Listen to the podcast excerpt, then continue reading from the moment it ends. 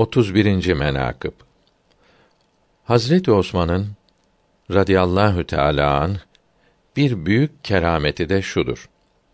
Hazreti Osman'ın şehadetine gelinceye kadar bu ümmet arasında fitne yok idi. Hazreti Osman şehit oldu. Dünya fitne ile doldu.